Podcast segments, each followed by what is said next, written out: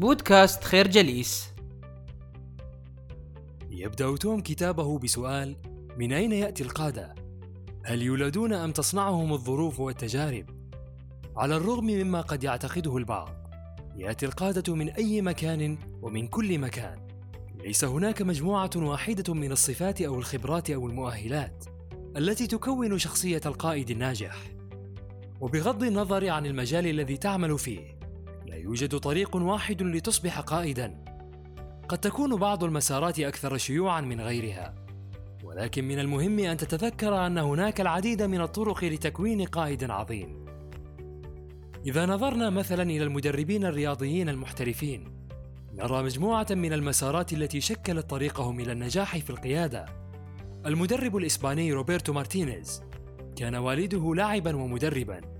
ولذلك نشأ مارتينيز في حب كرة القدم ولعب بشكل احترافي لسنوات قبل أن ينتقل إلى مهنة التدريب. يقارن الكاتب مسيرة مارتينيز مع مدرب الرجبي الأسترالي مايكل ماغواير الذي بدأ مسيرته بتدريس الرياضيات والعلوم والتربية البدنية في مدرسة ثانوية بينما كان يكون مسيرته في عالم الرجبي وكما أنه لا يوجد مسار مثالي واحد للقيادة لا يوجد كذلك أسلوب مثالي واحد للقيادة أيضا. يجلب كل قائد نقاط قوته الفريدة التي تنبع من خلفيته وشخصيته. الفكرة هنالك طرق عديدة لتصبح قائدا ناجحا. كما أن لدى الفنانين المختلفين أساليب فنية مختلفة فإن لدى القادة المختلفين أساليب قيادية مختلفة. تختلف اللوحات التي رسمها بابلو بيكاسو اختلافا كبيرا عن أعمال ليوناردو دافنشي لكن الجميع يعترف بأن كل منهم قد أتقن أسلوبه الشخصي الفريد. وعلى الرغم من أن القادة يختلفون في أساليبهم القيادية فهنالك عدد قليل من السمات الشخصية الأساسية التي يشترك فيها القادة الناجحون. قد نجد أن بعض القادة يميلون إلى إثارة الجدل والضجة والبعض الآخر منهم نجده هادئا ومتزنا. لكل أسلوب من هذين الأسلوبين مزاياه وعلى الرغم من الاختلاف بين أساليب القيادة المختلفة يمتلك جميع القادة العظماء مجموعة من المهارات الحاسمة المشتركة وفي مقدمتها المرونة فمهما كان أسلوبك في القيادة ناجحا فسوف تواجه الفشل في مرحلة من مسيرتك. وما يميز القادة العظماء عن السيئين هو قدرتهم على التغلب على تلك النكسات ومواصلة التقدم وبعد التغلب على هذه النكسات سوف تحتاج إلى المرونة الشخصية للوقوف على قدميك مرة أخرى. وبمجرد أن تلتقط أنفاسك وتزيل عن نفسك غبار الهزيمة سيكون عليك اتخاذ الخطوة التالية وهي التعلم من الانتكاسة. يواجه جميع القادة الفشل لكن القادة العظام يعرفون أن كل فشل يمثل فرصة للنمو والتعلم. يسعى القادة العظماء دائما إلى التكيف وتلبية احتياجات فريقهم.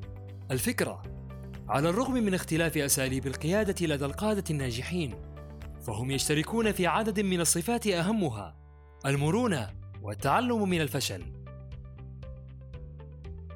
عند انضمام قائد جديد إلى مجموعة أو مؤسسة ما تتجه كل العيون نحوه. يتساءل الناس من يكون وما الذي سيقدمه لفريق العمل وكما هو الحال في جميع الفرق والمؤسسات. يوجد هنالك عدد من الأفراد المعروفين الذين يمتلكون تاثيرا ضمن المجموعة. القائد الناجح هو من يستطيع كسب تأثير هؤلاء الأفراد لصالحه. عند تقييم فريق جديد يبحث المدربون الجدد عن اللاعبين الذين يحترمهم زملاؤهم في الفريق. يسمي عالم النفس الرياضي النرويجي ويلي رايلو هؤلاء الأفراد المهندسين الثقافيين لأنهم يديرون المزاج العام ومعنوية الفريق ككل. ويتبع الفريق المثال الذي وضعه المعماريون الثقافيون. لذلك يجب على القائد الجديد أن يسعى لكسب هؤلاء الأشخاص من خلال التواصل الجيد وبناء الثقة معهم. أحد هؤلاء المهندسين الثقافيين كان لاعب كرة القدم الإنجليزي ديفيد بيكهام.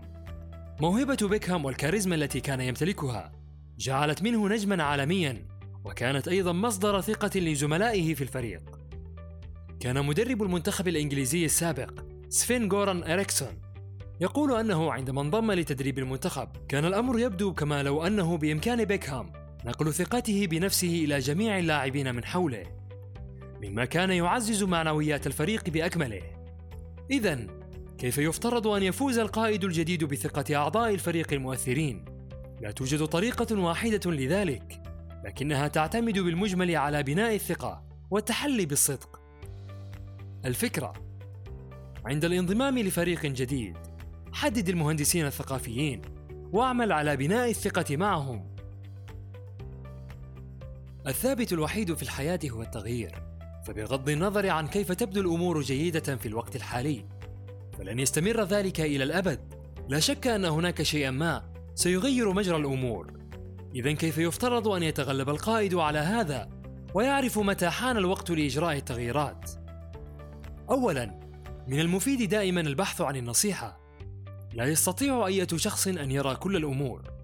لذلك فالاستماع إلى نصائح الآخرين هو جزء أساسي من عملية التكيف مع المتغيرات. من المهم أن نتذكر أنه لا يمكن لأي شخص إدارة مؤسسة بمفرده، فوراء كل قائد عظيم فريق من المستشارين والمساعدين الذين يثق بهم. إذا كنت تريد أن تكون قائدا عظيما، فعليك أن تبحث عن مساعدين أذكياء ومندفعين مثلك. وكما هو الحال مع القيادة، كذلك لا توجد وصفة واحدة للموظفين المتميزين. أثناء تدريب المنتخب البلجيكي، ضم طاقم عمل روبرتو مارتينيز النجم الفرنسي المعتزل تيري هنري الذي فاز خلال مسيرته الطويلة بكأس العالم وبطولات أوروبية عديدة. من ناحية أخرى، فالطاقم التدريبي لمدرب الرجبي مايكل ماغواير لم يضم أي لاعب سابق للعبة الرجبي.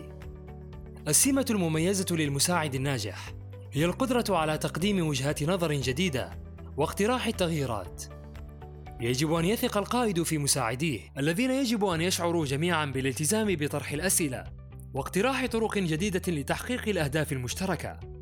مايكل ماغواير كان دائما يقول أنه يريد من موظفيه أن يخالفوه في وجهات النظر، ذلك لأنه يعلم أنه سيرتكب أخطاء.